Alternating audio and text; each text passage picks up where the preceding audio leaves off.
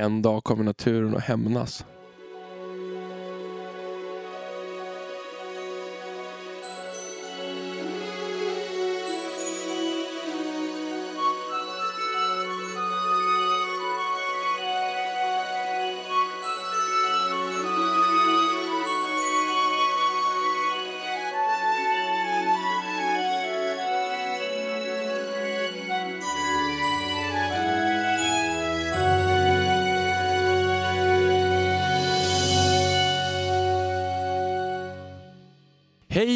Välkomna till det fjortonde avsnittet av Tolkien-podden.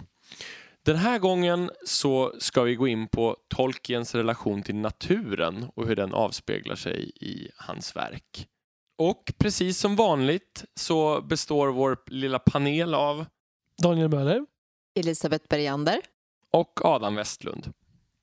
Men innan vi går in på dagens tema eh, så ska Elisabeth presentera månadens Arda-profil.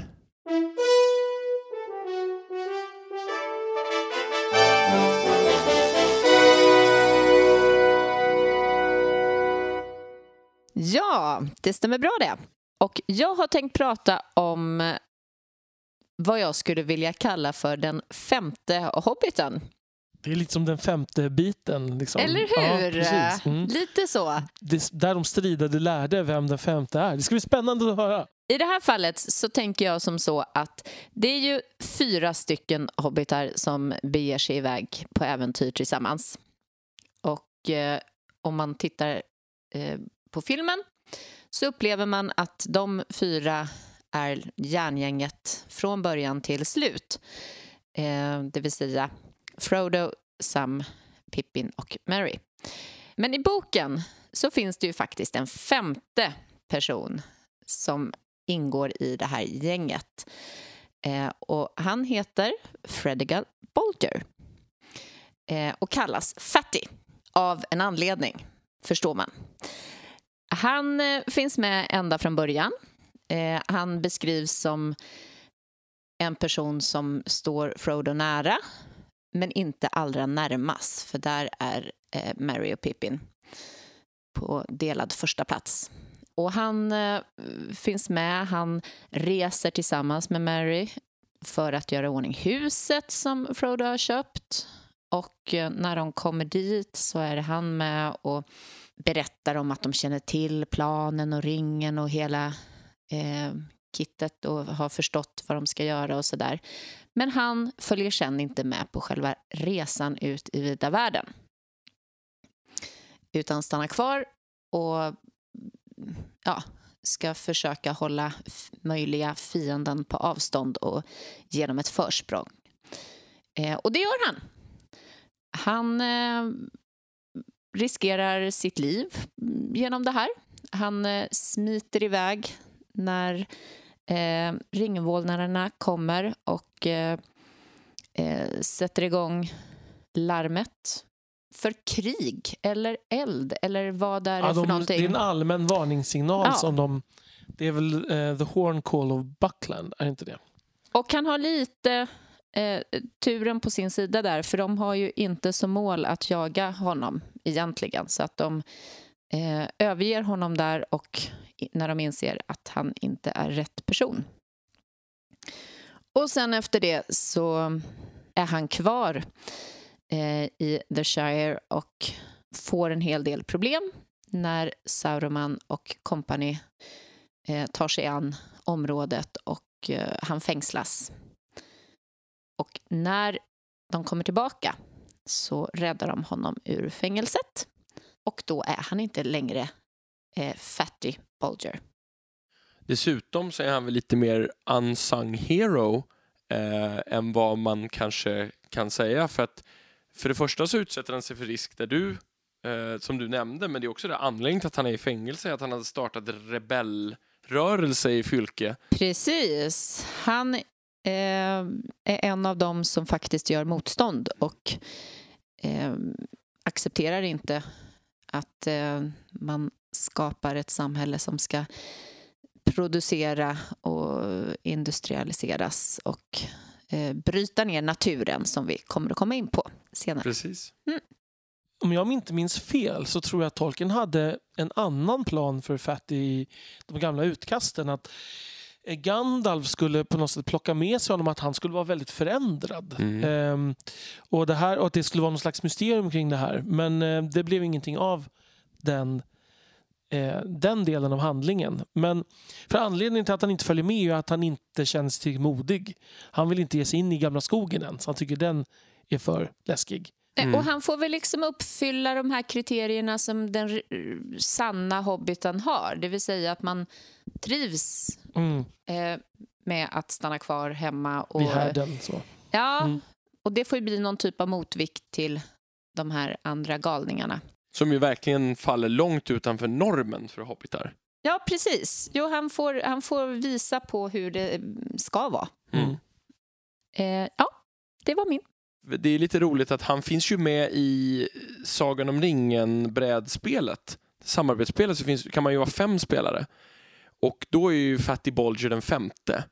Och det är ju roligt att bland filmtittare så blev det ju, var det ju folk som på riktigt blev arga och bara, varför har de hittat på en femte random hobbit för? Mm. och, och då kunde man liksom von oben titta ner och säga ha ha ha, Ja. Som- så lite du vet. Ja. Ja. Ja. Det finns faktiskt en sjätte också där. Eh, Ja, jag Folko Boffin. Jag tänkte precis säga det faktiskt. Ja, det, det är ju, men han är ju ännu mindre med handlingen att göra. Men han är också med i, i tidiga kapitel i Fylke där och en av Ja, Frodos han närmsta. nämns ihop med hon, att de två nämns tillsammans som Frodos vänner som inte står riktigt lika nära. Nej, precis. Så det är, om man hade behövt en sjätte Spelare i eh, spelare till spelet så hade man haft Folk och Boffin. Ja. Eh, på svenska, den nyöversättningen heter ju då Fredegar eh, Bullen Bolger heter han ju då. Det är bra. Mm. Man får fortfarande Mm. en, en allitteration om en till efternamnet. Mm. Då är det dags att gå över till dagens ämne. Och som ju alltså är tolken och hans relation till naturen. Och kanske det första folk tänker på när det gäller tolken och naturen är hans stora kärlek till träd som ju inte minst avspeglar sig i enterna. Och eh, han beskriver ju många skogar väldigt detaljerat och, så, och det är helt klart så att ett träd hade en speciell plats i hans hjärta. Det var ju till och med så att Tolkien hade ett favoritträd och då pratar vi inte en art alltså utan en, ett speciellt trädexemplar som var en svartall som stod i Botaniska trädgården i Oxford. Inte helt förvånande. Och, eh, jag har faktiskt stått vid den här svarthallen men vi läste här precis innan att den har de huggit ner för att den var en miljöfara. Eh, och det var ju väldigt sorgligt. Ja, verkligen. Det, det hade han nog varit ledsen att höra om man hade kunnat få veta det. Ja, ett av hans sist, de sista fotona på honom så står han framför det här trädet. Och eh, frågan är ju då, eh, är det det trädet han tänker på när han skriver om eh, partyträdet? Fast det är ju Fast det är ju helt... ingen tall. Nej, tänkte ju säga det. det är, ju... ganska annorlunda träd. Ja. Jag tror att han gillade träd generellt. Mm. Och det märks ju med, som sagt, med enterna att han hade ju koll på trädarter. Mm. Ehm, han är väldigt...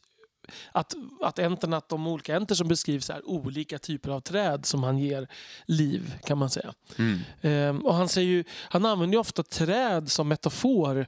Eh, till exempel i den här Leaf by Niggle som vi pratade om i förra avsnittet.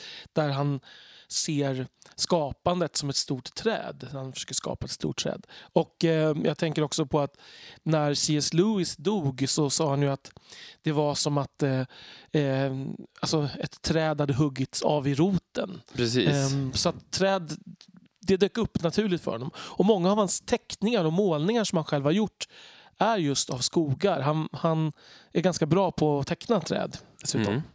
Han är ganska bra på att teckna. Absolut. Var bra, kanske.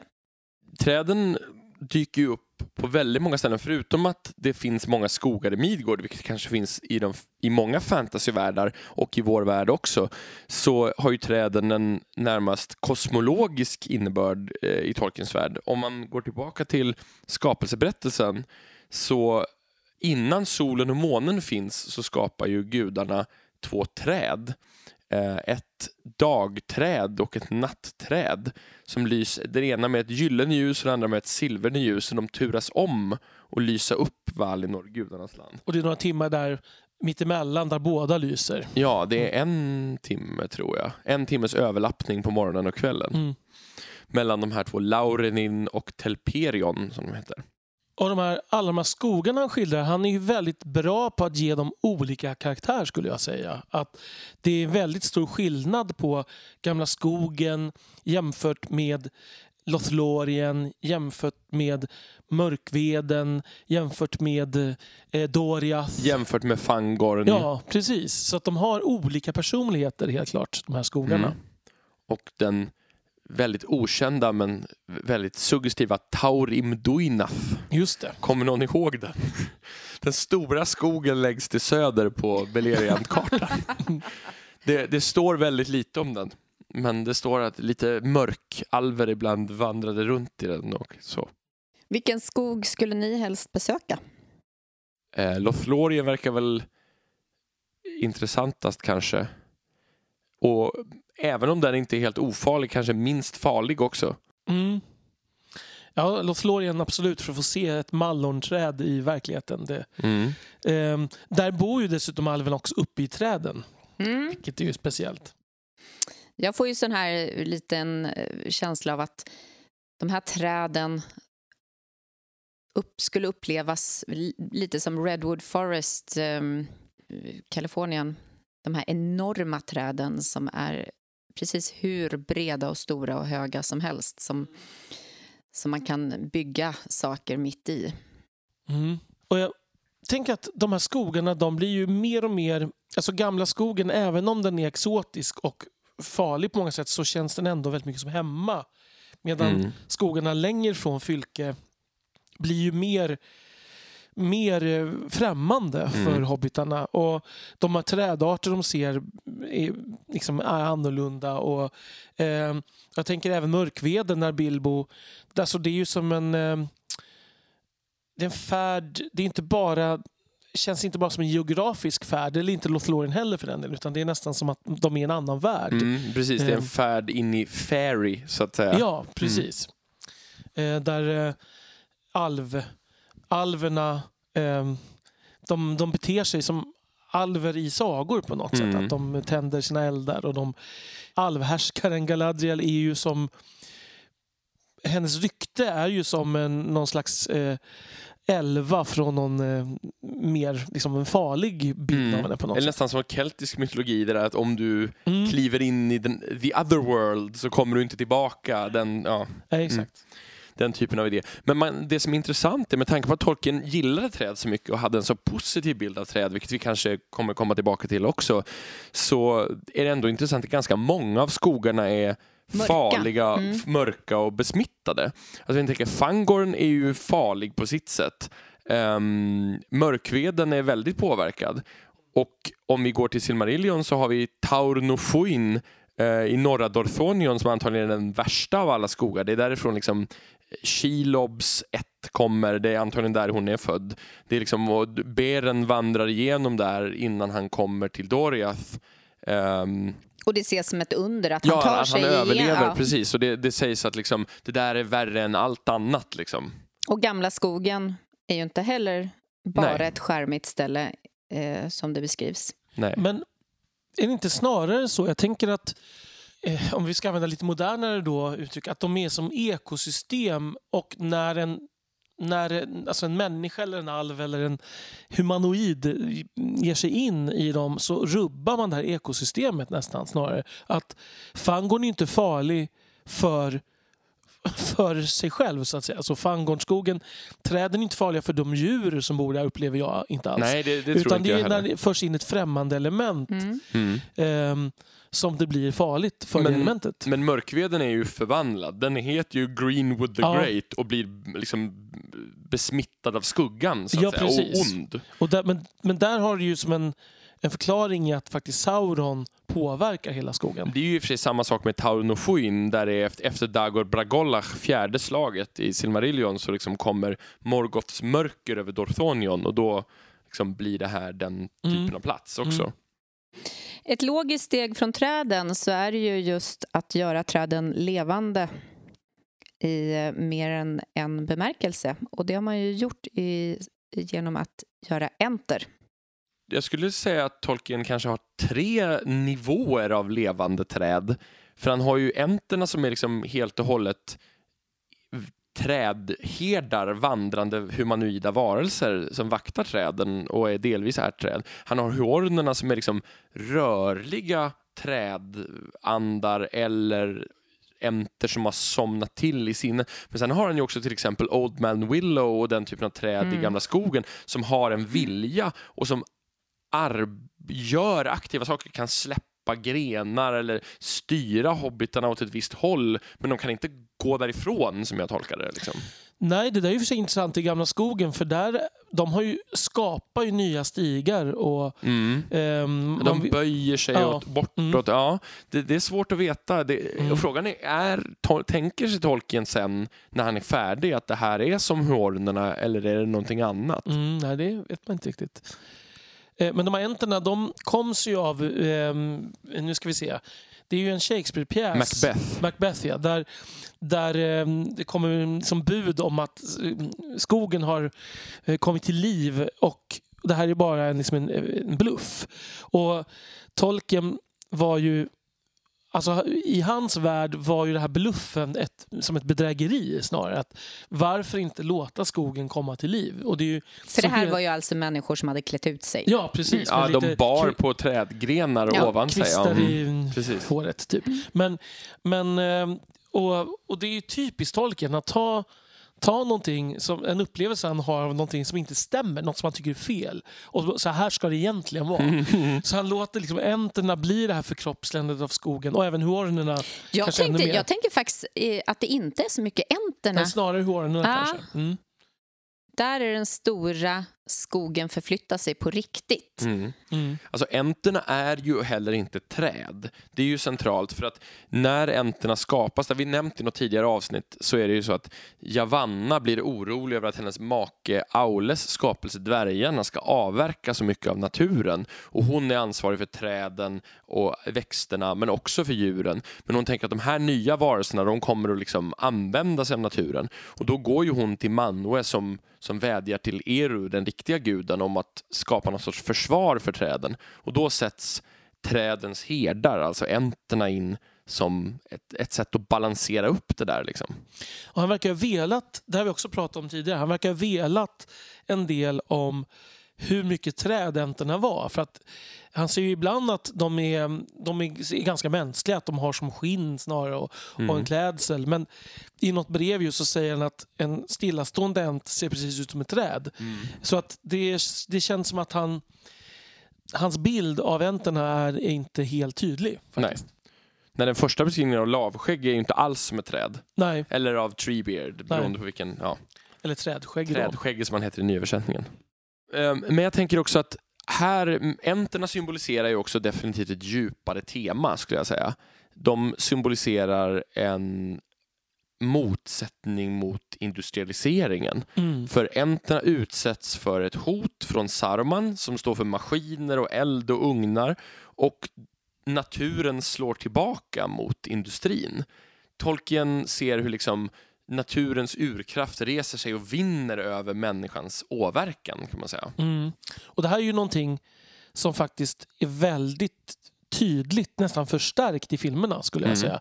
Det här är ett tema som de förstod och Mm. valde att verkligen illustrera. Ja. Ehm, Det är ju inte så att han var miljökämpe på det sättet som... Det han var inte liksom en gröna vågen... ehm, Mer bakåtsträvare. Ja, precis. Att, han, att det här konservativa draget var också att det var bättre förr. Mm. När, min barndomsnatur. Mm. Ehm, och att han hade, såg ju med skepsis på all teknik. Även om han, när han köpte sin första bil så älskade han att köra omkring för fort i den tydligen. Ehm, men det här med att han läste, första gången han hade en bandspelare framför sig så läste han in Fader vår i den. För att, För att så här, dispel the spirits. Ja, men så att precis. Mm. så att han var ju väldigt skeptisk till, Mm. till teknik. Men det, det där med bilen, han slutade ju också köra bil när han fick reda på att det var dåligt för miljön. Det var ju, det, det har jag läst att det var liksom baserat på det som han slutade köra. Förutom att han då liksom krockade någon gång också. Mm, ja. Ja. Jag funderar lite på det här med enterna. Ja, de slår ju tillbaka.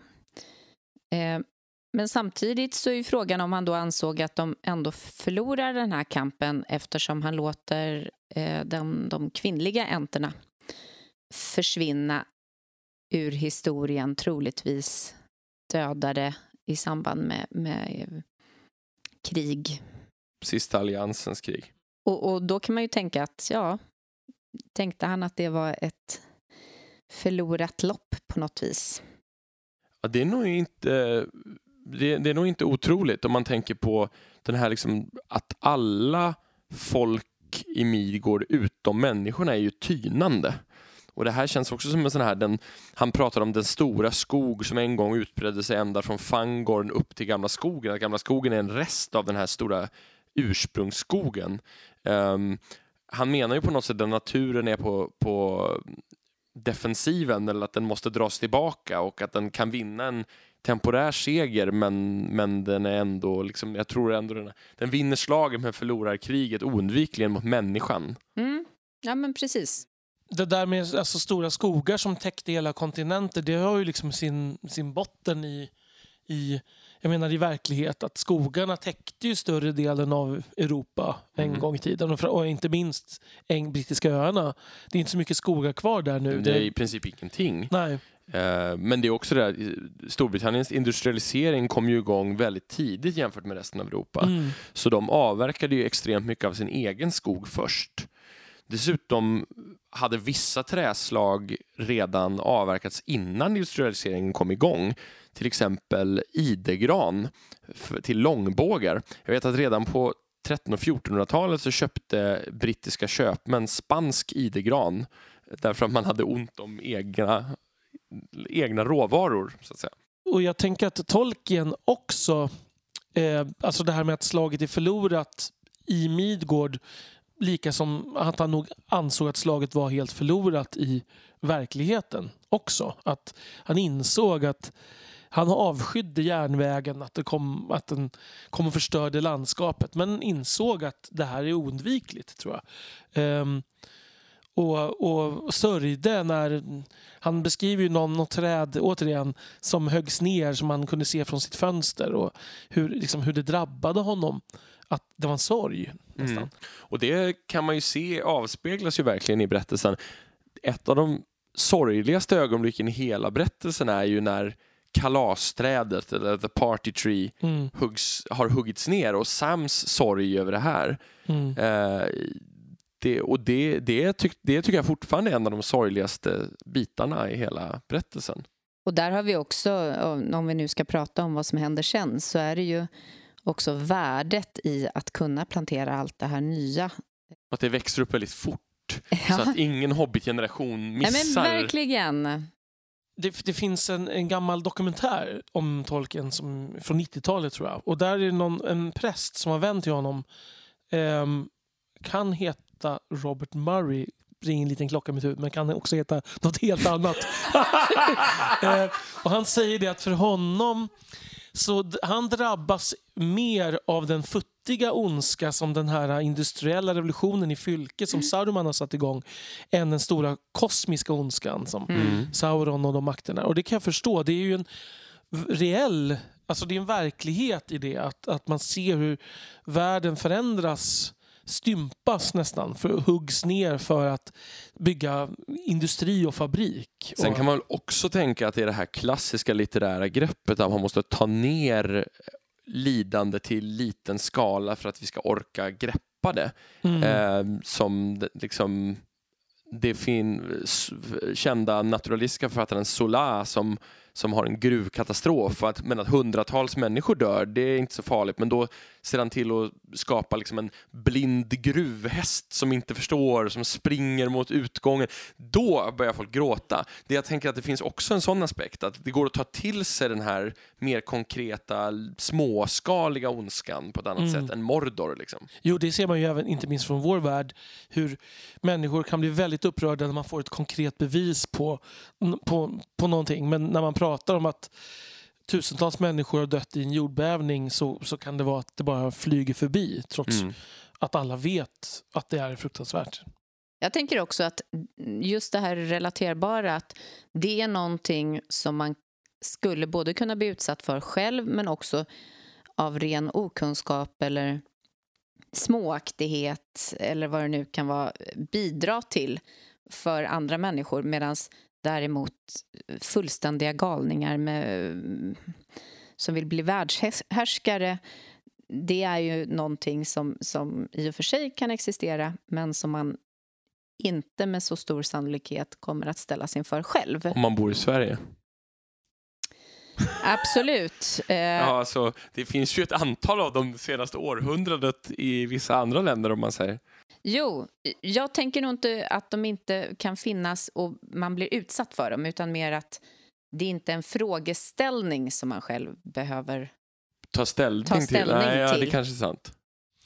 Men jag undrar om inte det här också att, att naturens förstörelse också har den här kristna innebörden för honom. Att vi är satta på jorden för att ta hand om den. Mm. Alltså det, ta hand om Guds skapelse är ju en, liksom en viktig del.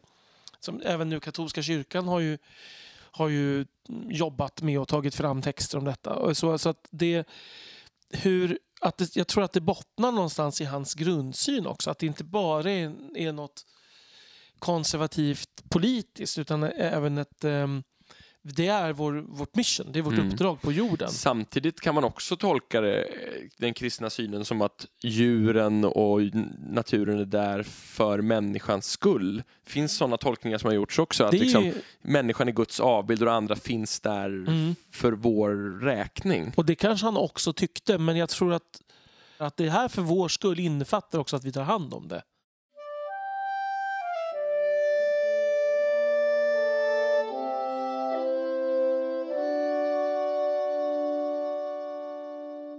Ja, när, ni, när vi ändå har pratat om enterna då, så, som ändå är någon sorts besjälad natur, så eh, finns ju den besjälade naturen som tema som ett logiskt nästa steg kanske. För um, det finns ju betydligt fler tillfällen där naturen har någon sorts själ, vilja, ande eller, eller liknande hos tolken än bara hos enterna eller bara i skogarna.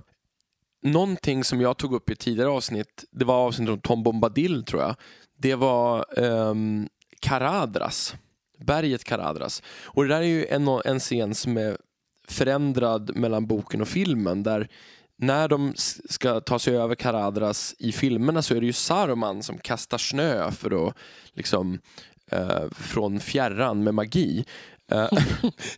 Uh, kasta snöbollar. Ja, precis. precis. Han mular gammalt. Saruman den vite.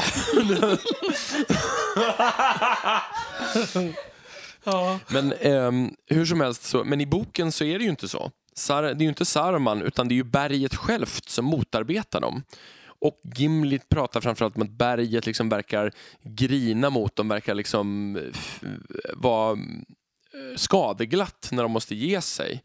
Och Jag måste bara säga, min association där är alltid till ett album, Barn Hedenhö, som är på Kanarieöarna. Ja, där här... vulkanen Teide får ett utbrott. Precis, och, och då... ansiktet ja, på berget. Ja. Precis, det, jag har alltid tänkt, jag har alltid sett den bilden framför mig. Det är, ett väldigt konkret, det är en väldigt konkret association, ja, Daniel. Verkligen. För att, för att vara över 40. Och, och väldigt konkret för, för, för att vara besjälad natur också. Ja, precis.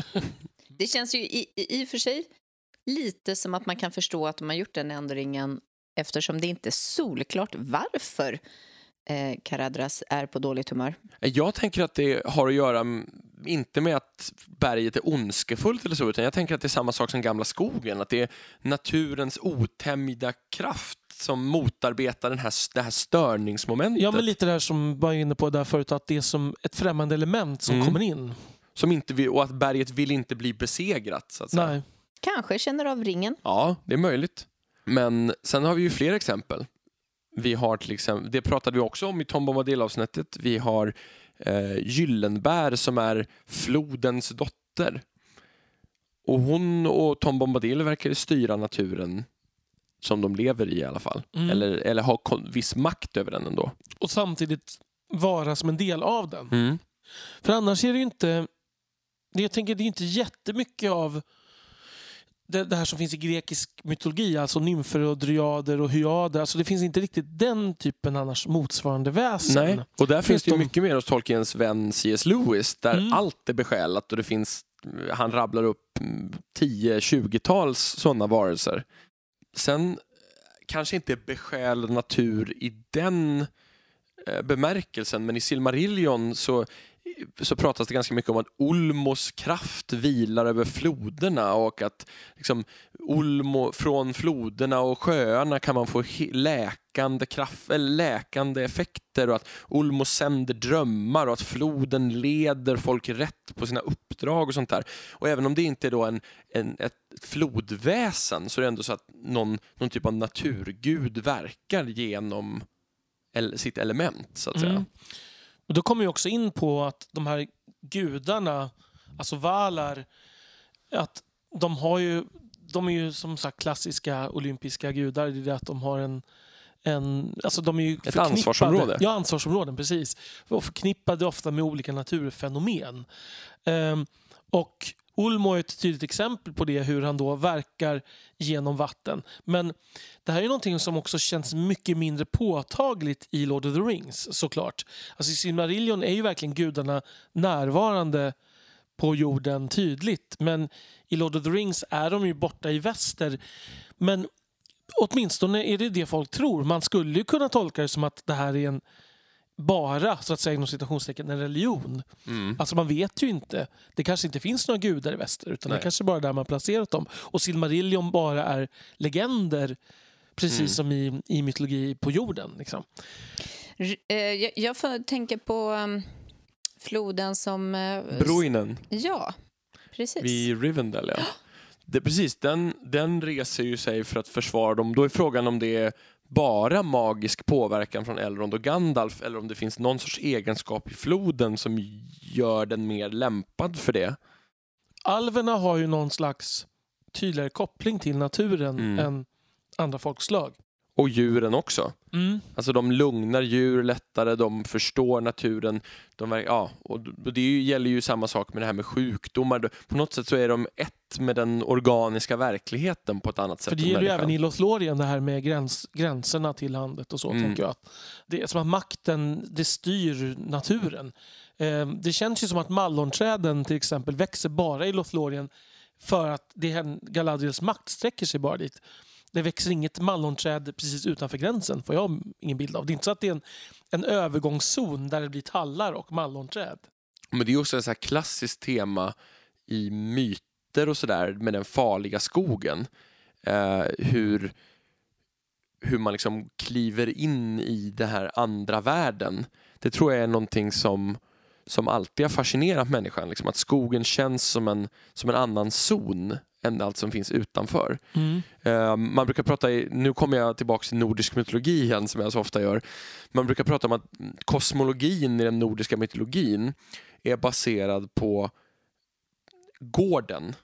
Att man har Asgård i mitten eh, och, och människans Midgård är som gårdstunet runt huvudbyggnaden Asgård. Och det som finns utanför stängslet det är utmarken, det är utgård. Det är kaoset och jättarnas rike. Det är liksom det farliga. Och det är liksom stora skogar, mörk, järnskogen, det är haven, elivågor, det är liksom de här stora kalla områdena.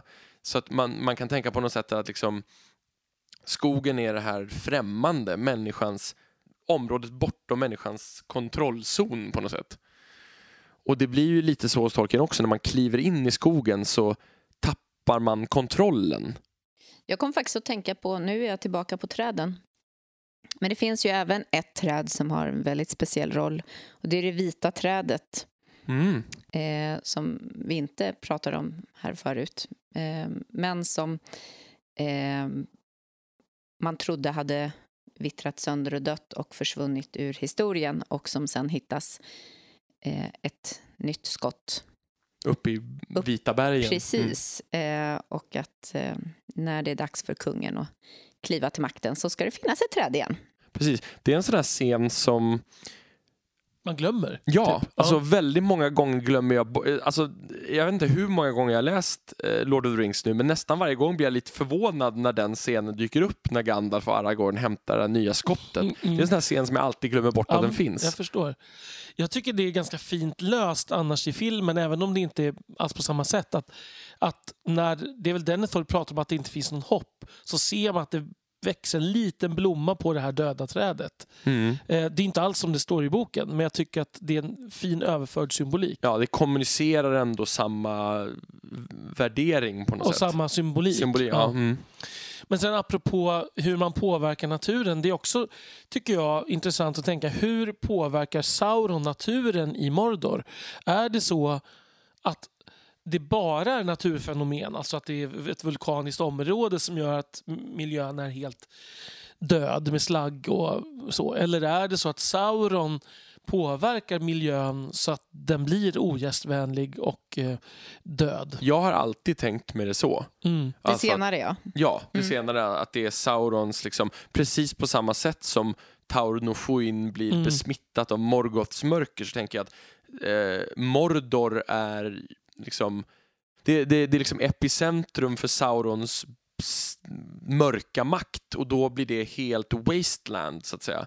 Och det som befinner sig utanför liksom Morgai och de bergen eh, det kan på något sätt lite mer stå emot. Det kan påverkas men det är inte lika Men är det ett medvetet val av Sauron? För i så fall är det ju strategiskt sett ganska korkat. Jag, tror, jag tänker mig att han inte har förmågan att göra något vackert och levande.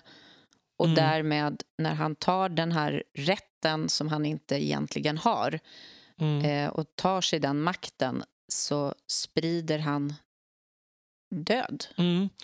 För att jag tänker annars att han har ju de här stora arméerna som ska mättas och han har ju för sig sin kornbod där kring Nornen Mm. sjön. Men annars är det ju lite så här jag tar död på hela mitt rike. Mm. Lite kortsiktigt. Lite kortsiktigt. Men jag, det, jag håller med, ja. det är nog inte en medveten strategi utan det är oundvikligt för att Sauron är Mm. död. Jag tänker mig att det är lite som så här, there's a disturbance in the force. Nej, men liksom att det, det, det är ju det. Och i i Aino Lindale så är ju Morgoths ondska liksom dissonanser i skapelsens musik. Mm. Det här är något som inte borde ha varit där från början och som sen visade sig att det finns en plan att det här mörkret också ska vävas in. Men jag menar, då tänker jag på något sätt att det ändå är som någon sorts störning i världsväven Mm. att ondskan finns. Lothlorien är ju också på ett sätt en störning i världsväven åt andra hållet. Nej, jag tycker snarare att det, det Lothlorien är försöker hänga kvar i, i, alltså, i någonting tidigare. För jag uppfattar världen i Silmarillion mycket mer som Lothlorien än som Mm. resten av Middle-earth. Och det Tolkien pratar också om i, i något brev i Letters att um, alvernas synd motsvarande människans brist på acceptans för sin egen dödlighet är att de vägrar acceptera förändringar att saker, och att de eh, desperat klänger sig fast i en förgångens tid. Så världen går vidare men, men eh, alvarna gör allt i sin makt för att hålla kvar. vid den. Precis. Och till slut blir Galadriel tvungen att släppa när ringarnas makt försvinner så kan, kommer hennes alvring inte heller att kunna stoppa tidens tidvattenvåg från att svepa med sig även Lothlorien så att säga. Apropå tidvattenvåg och naturfenomen så har vi ju Numnor, eh, ön mitt i havet mellan Midgård och eh, Amman. Det är ett natur, naturfenomen fast igångsatt av Gud Mm. som, eh, som gör att ön sjunker till botten. Det är ju, så fråg, men det är också frågan då, är den här gudsmakten kan man ju också se som en symbol för någonting som händer. Mm. Eh. Man skulle ju kunna nästan koppla det där till en tsunami eller något åt det hållet. Det är en enorm våg som, som dränker ön och sänker den till botten. Mm. Var inte det hans egen mardröm som han låter Faramir ta upp? Precis. Den här Atlantis-mardrömmen han hade. Precis. Mm. Det kommer en enorm våg. Mm. Och, Den, hade, den gick ju i arv också till hans söner. Tolkiens söner hade ju samma mardröm. men det där är ju intressant för det går ju tillbaka till, väl, till ska, så att säga, u, väldigt ursprungliga myter. Den här eh, syndaflodsmyten som finns både i till exempel Gilgamesh-eposet i eh, Gamla Testamentet med Noa till exempel. Mm. Det där är ju något, ett, ett tema som finns i flera kulturer. Den här och det är samma sak i, i faktiskt i nordisk mytologi. Återigen, efter Ragnarök, när världen har brunnit, efter att Surt har tänt eld på skogarna, så sjunker den gamla världen i havet och sen reser sig en ny värld upp ur vattnet. Så egentligen så har vi samma tema med den här dränkningen som återkommer i väldigt många kulturer. Och då kan man också tänka att man har sett någon typ av koppling mellan gudamakten och naturens krafter så att säga.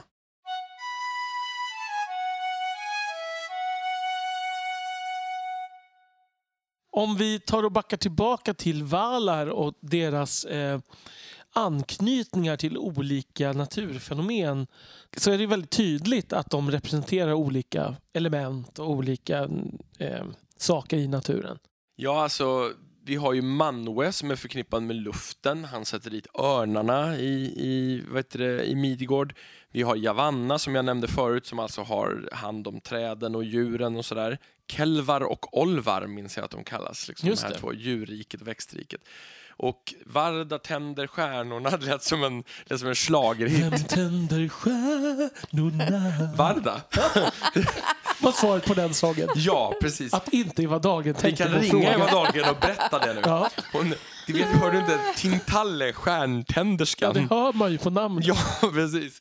Hur som helst, så, eh, och solen och månen har ju också valar byggt så att säga, eller satt dit på sina... Mm. Och de har ju sina personifikationer också. Att Ja, precis. I majar som, Arjen Ja. eh, och Tilion, mm, som kör de här i vagnar. precis. Och sen så har vi ju sen Erendil som blir morgonstjärnan. Aule. Eh, Aule har, är förknippad med bergen, eh, men också användningen av naturen, hantverket och sådär. Eh, Ulmo som vi pratade om förut är eh, hav och vatten, men där finns det ju två viktiga majar, eh, Osse och Oinen som är någon sorts, alla, det finns ju majar under alla valar, men de är liksom några av de viktigaste och starkaste och har lite mer egen kontroll och eget ansvar förefaller det. Och i tidiga versioner så var Osse... Mellanchefer. Ja, men lite så. Ja. I tidiga versioner så var Osse också upprorisk mot, eh, mot Ulmo. Är han inte lite av en tritongestalt? Jo, där, precis. Men han var, en direkt, alltså han var faktiskt direkt ondskefull i vissa tidiga versioner. Sen så Mhm. tonade Tolkien ner det här.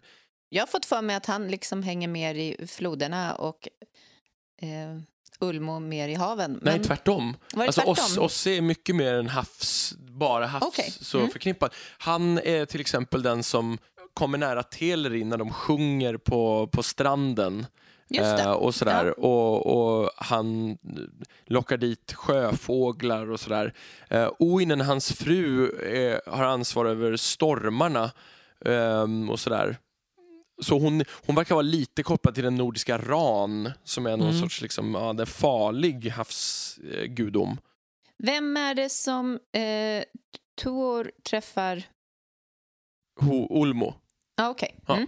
Ulmo är ju den milda människo-alvvännen liksom, av Mm. dem alla. Och han är alltid den, som, den enda som inte till exempel vänder ryggen mot Noldor efter att de har liksom, så att säga, svikit västern.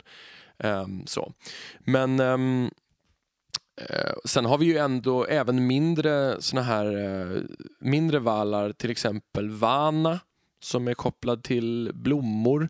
Nessa som är kopplad till en del djur, hjortar och sådana här liksom Ja, det, det fin- många av de mindre viktiga valar har ju såna här speciella attribut så, som har med naturen att göra. Så det, det är ju som du säger Daniel förut, det är, en, det är liksom lite naturreligion, politism över det där. Liksom. Nästan lite animistiska idéer. Så även om det, in, som du sa förut, så märks det inte av så mycket i The Lord of the Rings, men det är ändå så på något sätt så att naturen är representerad av besjälade väsen och, Mm. och sånt, även om det inte, men det syns inte lika mycket som och märks inte. Det är inte så att väsen stiger upp ur floderna varje gång man går förbi. Liksom. Nej, jag tänker att det är intressant att ehm, i, för alven i exil så är det helt klart så att Varda som de ju kallar Elbereth, är den, den Vala som de har eh, mest relation till. Som Mm. verkar vara den som...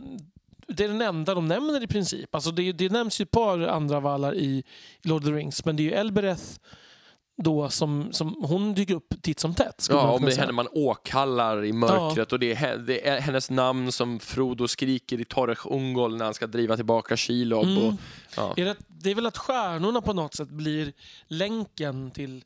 Alverna är lite besatta av Mm. stjärnljus. man Tillbaka till gudarnas rike och det ursprungliga. Liksom. Mm. Det är så- återigen lite grann det där förlusten av det som var. De kan inte släppa det. Mm. Så.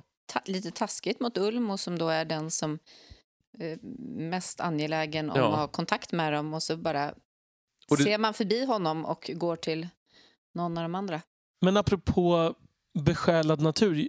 En liten anomali som dyker upp, det är ju den här räven som Ja. dyker upp i Lord of the Rings som eh, liksom står där och tänker ett tag. Titta, se där, hobbitar ute på resa, undrar vart de ska. Eh, han är ju som, kommer från en annan fantasyvärld. Han skulle kunna vara i Narnia. Ja, Mm. Eller Det susar i säven. Ja, Typ. precis. Det, det är intressant, för det här händer ju aldrig igen i hela Tolkiens skrivande. Nej, Det är kapitlet Three's Company, va? ja, jag tror det. Ja. När de sover i skogen. Mm. Ja, det är lite samma som bävrarna eller någonting i, i Verkligen. Narnia.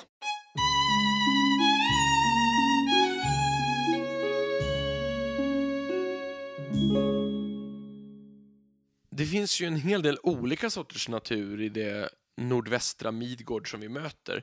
Men det är ändå tydligt att det är någon sorts Europa som jag pratade om förut. Eh, vi, vi möter skogar, slättlandskap, kullar och berg. Men det, det finns ju in, inga till exempel djungler eller öknar eller sånt. Och, och de här stora snövidderna, de finns ju bara bortanför själva historien. Det är bara några korta detaljer, till exempel i Appendix, där man liksom får, där historien faktiskt möter de områdena.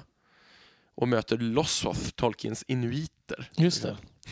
Men eh, de här olika miljöerna, det är, ja, han är ju, som vi har sagt förr, är han ju väldigt noga med att beskriva alla de här miljöerna. Och han, han lägger sig mer vinn om att göra det också än många andra författare skulle jag säga. Mm. Att det är nästan alltid som man får en tydlig bild av hur landskapet ser ut. Vad är det för miljö? Vad är det för natur?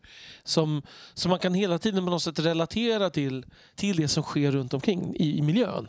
Mm. Och han har väl olika bilder i huvudet för olika miljöer också som han beskriver. Jag tänker att eh, The Shire så är det ju Oxford med omnejd i väldigt hög grad. Eh, men att det fortsätter ju inte sen rakt igenom utan att sen byter man till andra eh, upplevelser som han har sett. Eller bara Ja. sett på bild. Eller bara se på bild. För att, alltså, han, ju, han fick ju lite kritik, vet jag, eller har fått senare, för att hans världsdelar är inte liksom geologiskt rimliga. Alltså Nej. var bergskedjor är och sådana saker. Men, men om han, så på en väldigt hög nivå så är det ju inte så, kanske så trovärdig miljö. Men på detaljnivå är det ju hela tiden väldigt trovärdigt skulle jag säga. Mm. Och dessutom är det ju också så, det ska man ju komma ihåg, att Tolkien hävdar ju inte heller att de är geologiskt rimliga. För Dimmiga bergen är ju till exempel resta av Morgoth för att hindra alverna att ta sig västerut i första åldern. Mm, det är inga Alltså, kontinentalplattor vi Nej, om. precis. Det här är ju en värld som är skapad av liksom agerande gud, gudomar. Liksom. Och då kan det ju faktiskt se ut lite som de vill. Men ändå är det så att på, på, på mikronivå är, är han ju väldigt, är väldigt trovärdig. För att de, Mm. de, de landskap, de nejder eller vad man ska säga, som man går igenom är ju väldigt, eh, apropå flora och fauna, det hänger ihop. Och på något sätt skulle man kunna hävda, tycker jag också, att Tolkien är ganska nedtonad när det gäller fantastisk miljö. Mm. Alltså att det finns några enstaka undantag som till exempel de glittrande grottorna som, bara, som vi aldrig får se utan bara hört, höra beskrivas.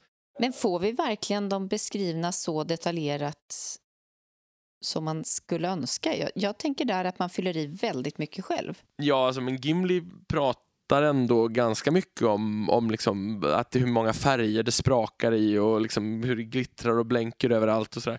Eh, Men, men jag tänker att väldigt många andra av de saker som finns i naturen är rimliga. Det är inte så mycket sån här en hel underjordisk värld eller liksom en skog av svampar. Ni, ni vet vad jag menar, Mm, liksom, hur man kan mm. möta mycket, mycket mer otherworldly natur i en del annan fantasy. Mm. Jo, men det är ju för att alltså, nordvästra Midgård är någon slags Europa. Mm. Han håller sig inom de ramarna.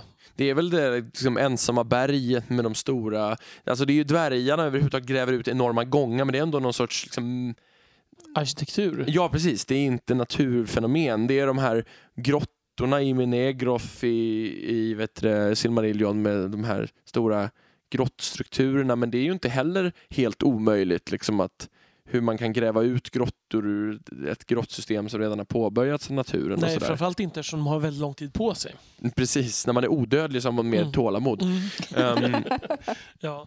Precis, men det är värre än sådana här medeltida katedralbyggen som inleddes 1200 någonting och är fortfarande inte klara. Nej, precis. För bara om man jämför med till exempel C.S. Lewis så finns, finns det ju en del mycket galnare natur i Narnia om man tänker liksom så här, i silvertronen med de här stora bokstäverna i marken och den här underjorden som de kommer till där också. Och de här öarna långt ut i väster Mm. som blir mer och mer, liksom, det är ju mycket mer far off, eller far out liksom, än vad Tolkien någonsin är. Och, och Många fler fantastiska inslag. Ja, precis. Jag tänker på till exempel den oändliga historien där vi ju befinner oss i fantasien. Och där är ju fantasin, alltså det är ju bokstavligt talat fantasin som inte har några gränser. Så där är ju miljön precis hur som helst kan man Mm. säga. Vad som finns i stunden. Men sen finns det ju andra författare som eh, typ George R. R. Martin där man känner att hans stora intresse är inte att beskriva natur. Nej. Även om han gör det, liksom, man får ju en bild av hur det ser ut, så är det inte som att det spelar så stor roll. Men vi har ju några saker där som till exempel den här ismuren, alltså, som ändå är liksom, Mm. ja, alltså en ganska övernaturligt Fast inslag. principen är i norr är det kallt, i söder är det varmt. Jo, jo, jo, absolut. Det håller jag väl med om. Men, men det finns ändå ganska mycket fantasy där man har liksom valt en lite vildare... Mm. Ofta brukar det vara mer disparat. Alltså jag tänker Mm. på till exempel, jag har läst Tad Williams som är en av George R. R. Martins inspirationskällor. Det är som att det känns som att många olika sorters natur trängs på en mindre yta för att man vill Ja. ha tillgång till. Vi ska ha träsk och vi ska ha savann Mm. och vi ska ha fjäll och vi ska ha sjö. Alltså det är som att allt måste finnas. Så känns ju David Eddings också. Det är liksom Mm. det är ett, ett djungelrike och ett sånt liksom och sådär. Ja. Mm. Och det, det är ju, så är ju Tolkien inte alls. Nej. Och det är ju en del som också säger att Tolkien på det sättet inte känns som en del av fantasygenren utan som mer som att han har mer gemensamt med myter. Liksom, att det är så tydligt förankrat i den här nordiska sagotraditionen. För den rör sig i en sån miljö som de här liksom, hjältesagorna från forngermanskt område skulle ha rört sig i. Där ju å andra sidan miljöbeskrivningarna misstänker jag inte är, liksom är dess forte. Kanske heller. Nej, nej, men om man tänker om man är isländska sagor så märks det att de är på Island. Liksom.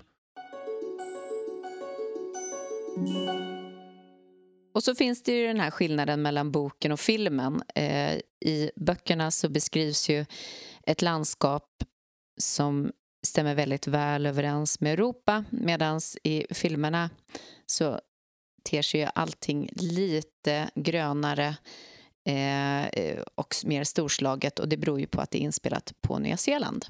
Eh, det ser inte riktigt likadant ut. Nej. Jag, det är ju ett rimligt beslut, inte bara för att Peter Jackson är från Nya Zeeland utan också för att den, naturen verkar vara mer orörd. Ehm, man kan liksom ge sig ut någonstans och bygga en anglosaxisk borg mitt, mitt ute i ödemarken utan att det är massa elledningar i bakgrunden. Och den känns ju väldigt sagolik. Mm.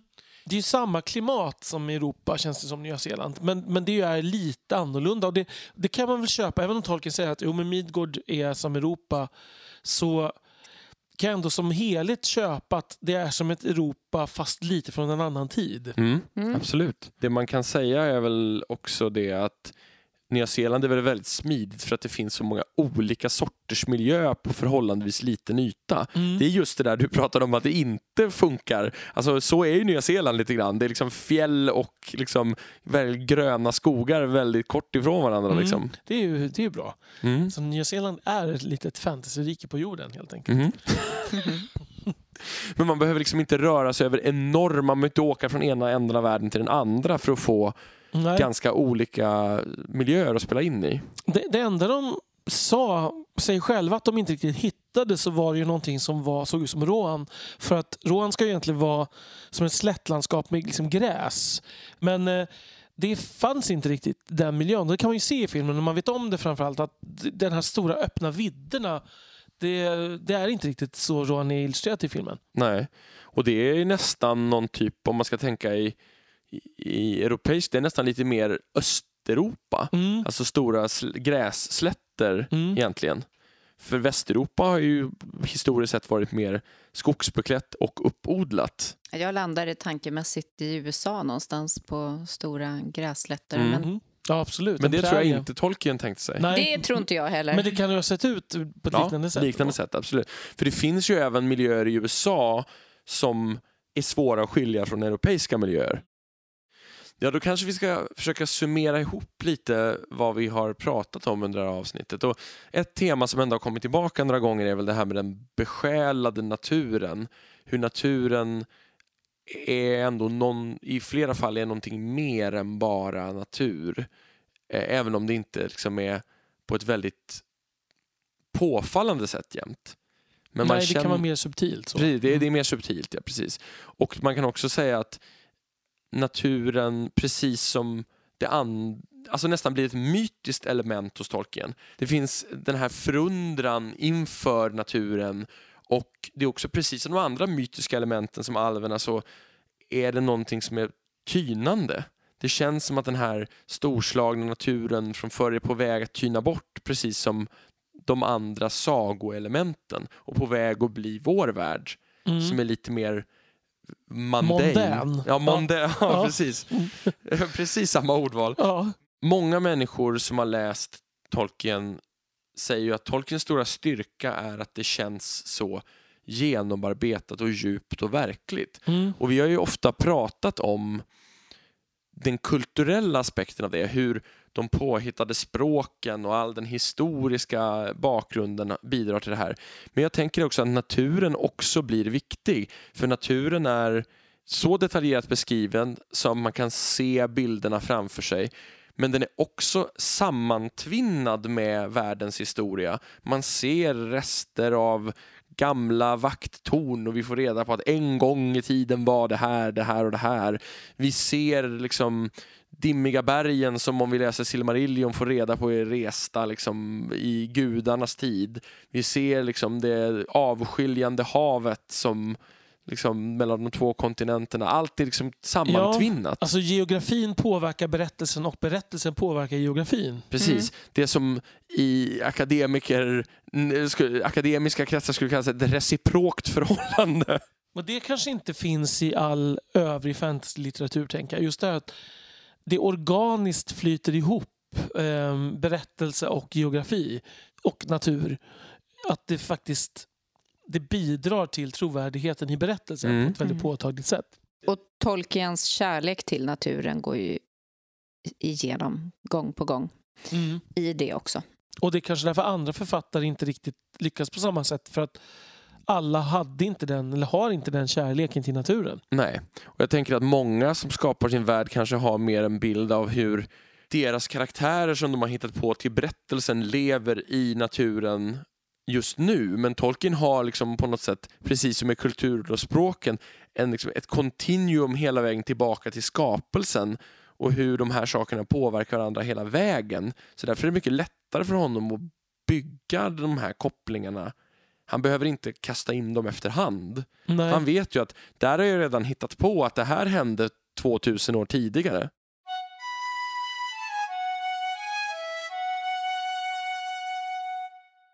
Ja, då faller det återigen på min lott här att eh, tacka så mycket för eh, att ni har lyssnat. Nästa gång som vi lägger ut ett avsnitt. Då är det mitt i sommaren. Eh, så vi hoppas att ni har eh, uppskattat det här avsnittet och eh, hälsar er åter om en månad igen. Tack så mycket. Tack, tack. Hej då!